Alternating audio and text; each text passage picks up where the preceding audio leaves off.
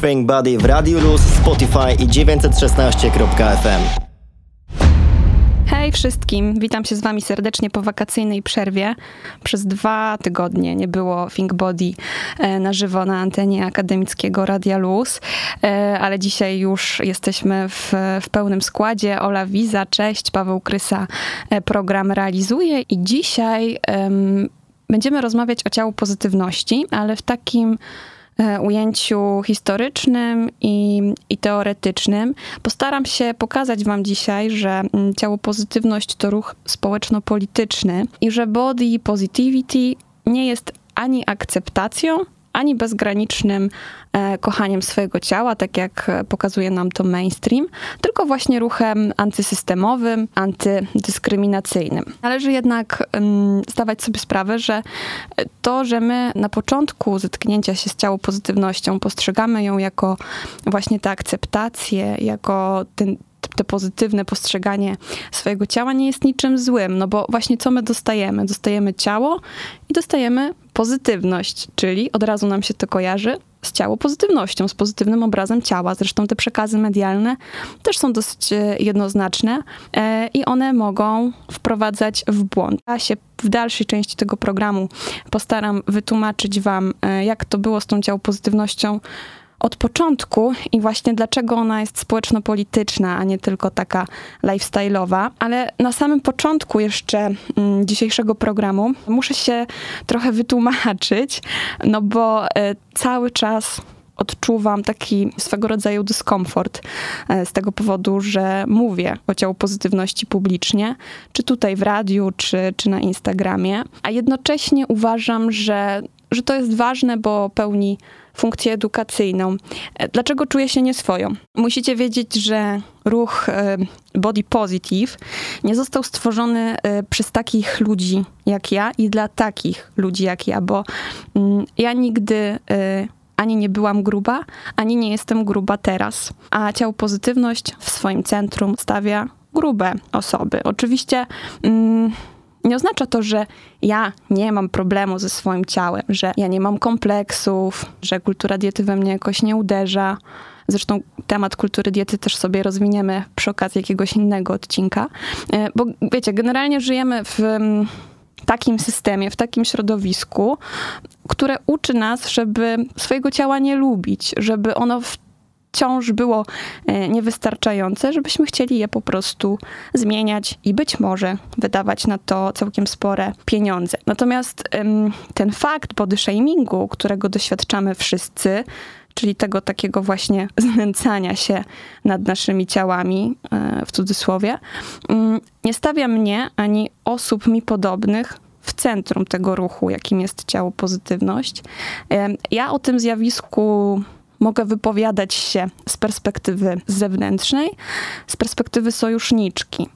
E, dlatego przy takim jednoczesnym poczuciu dyskomfortu, trochę to dziwne, że tak się tłumaczy na antenie, e, ale też przy takiej świadomości, że jest to potrzebne, chcę mówić o, o ciału pozytywności, bo chcę po prostu, żeby ludzie wiedzieli, e, czym ona jest i, i, skąd się wzięła i kto ją, kto ją stworzył. I to jest istotne z tego względu, żebyśmy po prostu sobie zdawali wszyscy sprawę, to już tak abstrahując od ciał pozytywności, e, że pewne grupy społeczne są bardziej uprzywilejowane, a drugie mniej. I ważne jest też, żeby siebie właśnie na tej takiej planszy e, uprzywilejowania móc odnaleźć, bo to wtedy, ja tak przynajmniej myślę, otwiera taką furtkę do tego, żeby nie krzywdzić innych ludzi.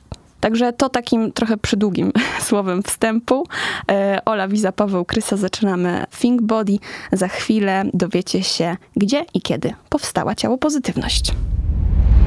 Think Body żeby właściwie rozumieć to, czym jest ta ciało pozytywność, trzeba poznać taki jej kontekst historyczny, jej historię i wiedzieć, kto stworzył ten ruch. I nie ma jakiejś jednej daty, która wyraźnie sygnalizuje, że teraz od tego momentu mówimy już o ciało pozytywności, a przedtem to jeszcze nie.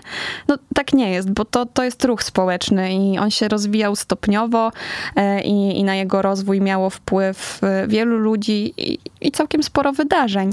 No ale przyjmuje się, że body positivity zaczęła się kształtować e, na początku lat 60. ubiegłego wieku w Stanach Zjednoczonych.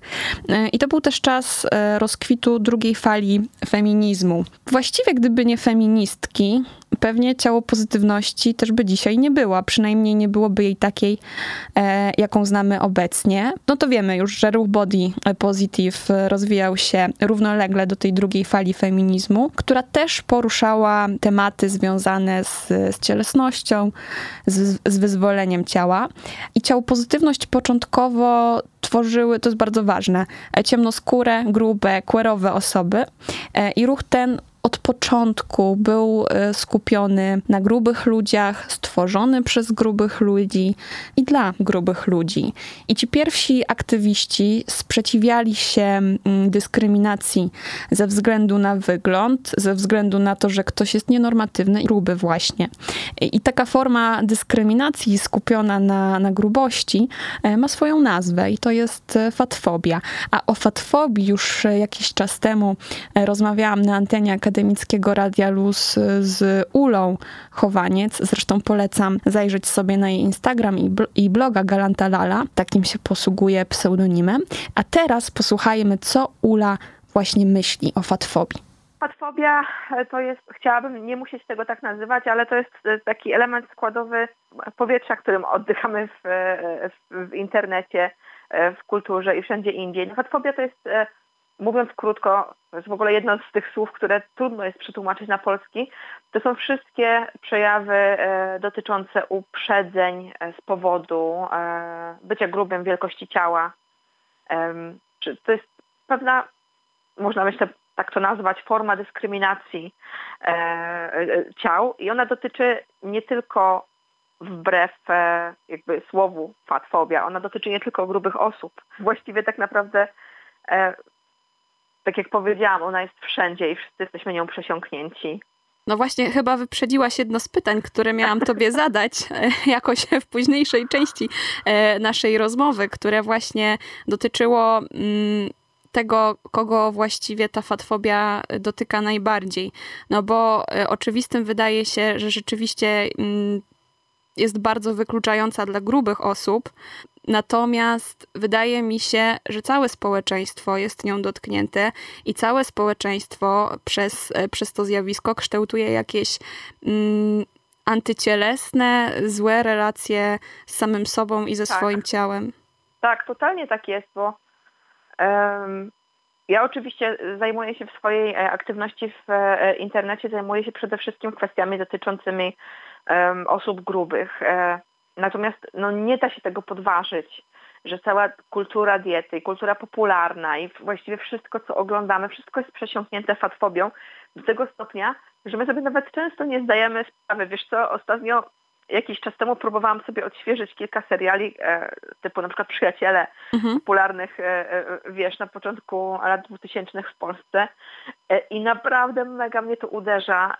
Jakby one się tak zestarzały, że już nie jestem w stanie ich oglądać i bardzo mnie uderza, to to są, wiesz, seriale, które w ogóle nie są kompletnie na tematy związane ze kwestiami sprawiedliwości społecznej czy e, dyskryminacji jakiejkolwiek. Po prostu są takie, takie randomowe wtręty na temat tego, że o, przytyję, będę gorsza. To jest po prostu wszędzie.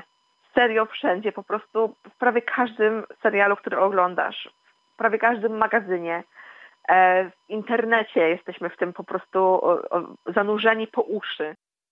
To jest e, fatfobia według Urszuli Chowaniec.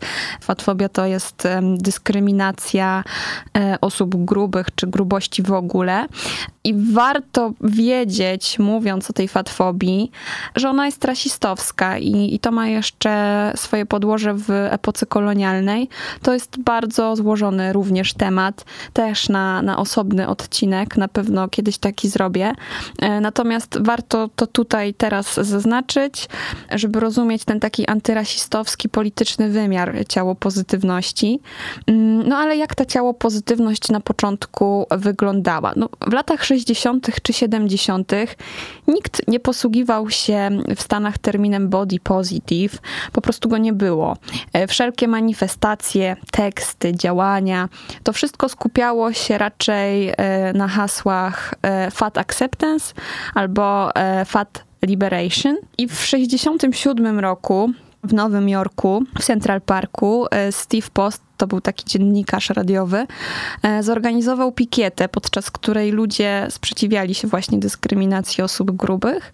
E, I uczestnicy protestu na swoich kartonowych transparentach mieli wypisane takie śmieszne hasła jak e, Buddha was fat, take a fat girl to dinner, fat power. To jest jedno z takich, można by pomyśleć, małych wydarzeń, które gdzieś tam się wymienia na drodze rozwoju ciało pozytywności.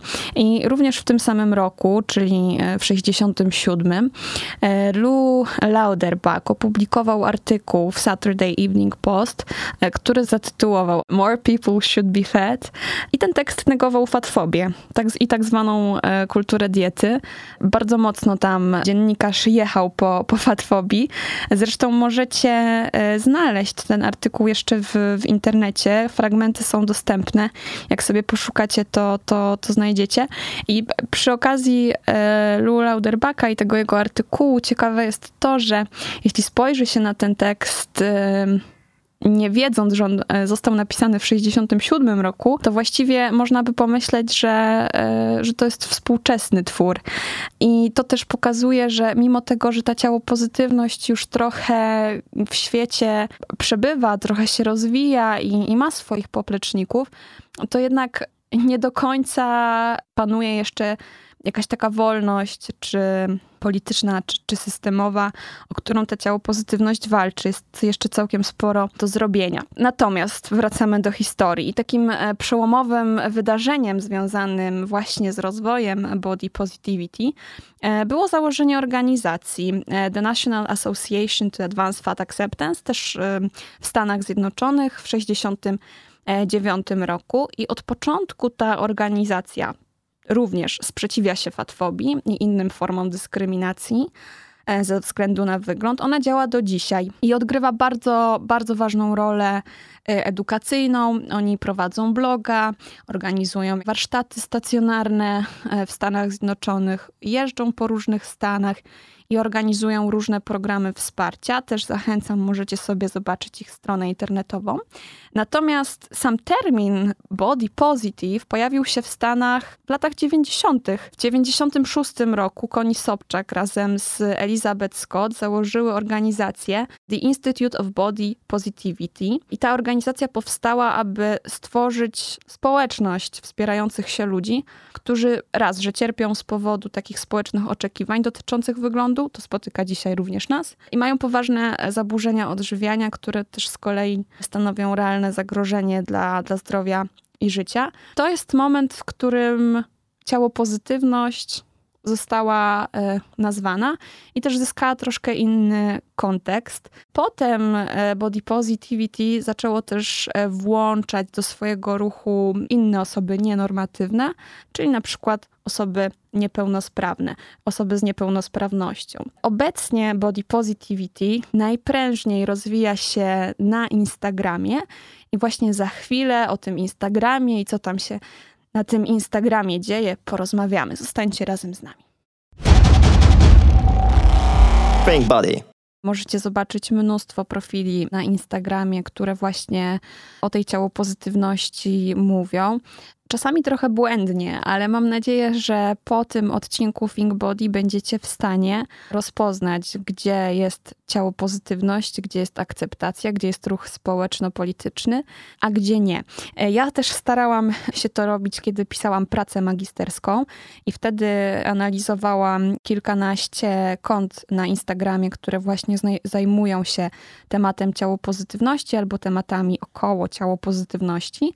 Mm, I wśród nich e, były takie konta jak do niedawna jeszcze Body Posy Panda, czyli konto prowadzone przez Megan Jane Crab. Ona teraz zmieniła nazwę swojego profilu właśnie na swoje imię i nazwisko. E, wśród tych analizowanych kont była też Tess Holiday, e, F Your Beauty Standard, Ciało Pozytyw Polska, Iga Wiejak, Kisiele, Garanta Lala, Make Love Not Diets, no i kilka innych. I dzięki tej analizie i przyglądaniu się tej ciało pozytywności tak w ogóle, nie, nie tylko przez pryzmat Instagramu, ja wyszczególniłam e, kategorie ciało pozytywności.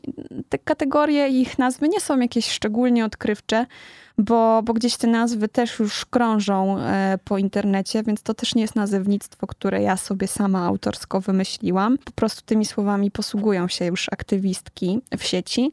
Natomiast e, pierwszą taką kategorią jest ciało pozytywność wolnościowa, antyrasistowska. Drugą e, kategorią to jest ciało pozytywność wolnościowa i trzecia, czyli ta taka, z którą wszyscy się z pewnością na początku zetkniemy, to pop ciało pozytywność i to jest to taka no, najłatwiejsza ciało pozytywność, z którą właśnie jest najłatwiej obcować i zapewne najszybciej można gdzieś tam ją zobaczyć. Mm, natomiast ta pierwsza ciało pozytywność, wolnościowa, antyrasistowska, ona łączy w sobie właśnie te dwie narracje, wolnościową i antysystemową, antyfatfobiczną, e, czyli tożsamą dla pierwszych aktywistów body positive.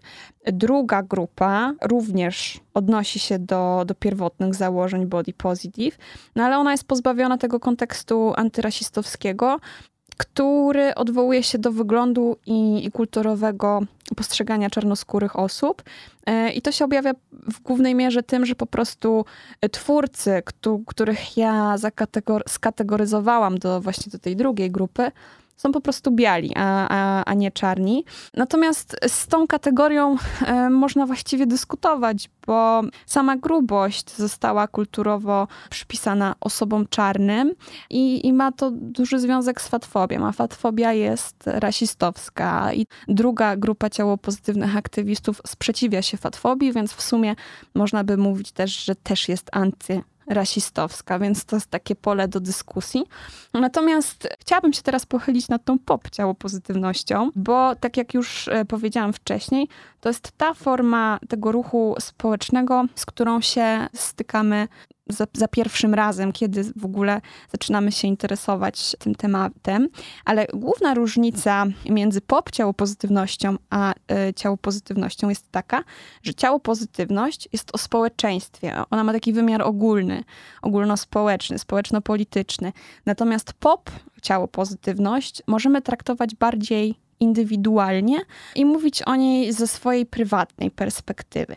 Dlaczego tak jest? Narracja przypisana do tego odłamu ciału pozytywności, czyli do jej wersji pop, pozbawiona jest kontekstu równościowego w sferze politycznej oraz systemowej. Pop ciało pozytywność normalizuje ciała, które nie są pokazywane w przestrzeni publicznej, również grube. Ona pokazuje ludzkie ciała takimi, jakie są. Czyli na przykład na pop ciało pozytywnych Instagramach znajdziecie e, zdjęcia ludzi, którzy mają choroby skórne, na przykład trądzi, kuszczyca, albinizm, jakieś rozstępy też mają na ciele. Te zdjęcia mogą pokazywać owłosienie na ciele, zdjęcia różnych sylwetek.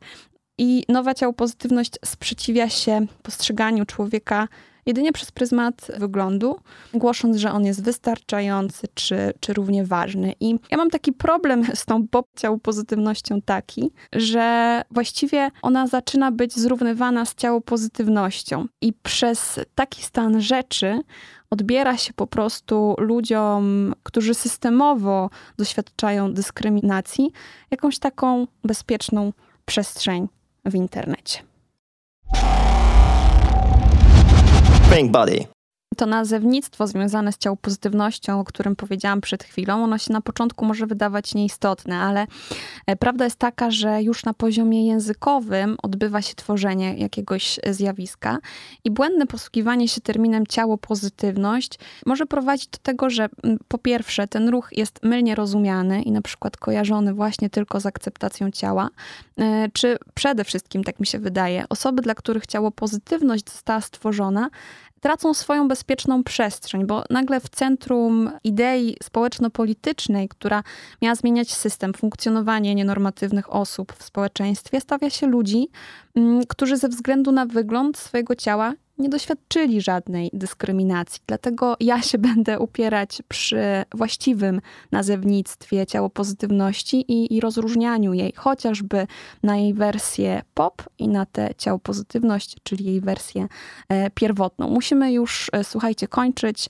Ola Wiza, Paweł Krysa e, program e, zrealizował. Mam nadzieję, że dowiedzieliście się e, czegoś ciekawego o tym ruchu społecznym. Spodziewajcie się kolejnych odcinków związanych z ciałopozytywnością, a tymczasem ja mówię Wam cześć i do usłyszenia. Pa! Think Buddy w Radiu Luz, Spotify i 916.fm.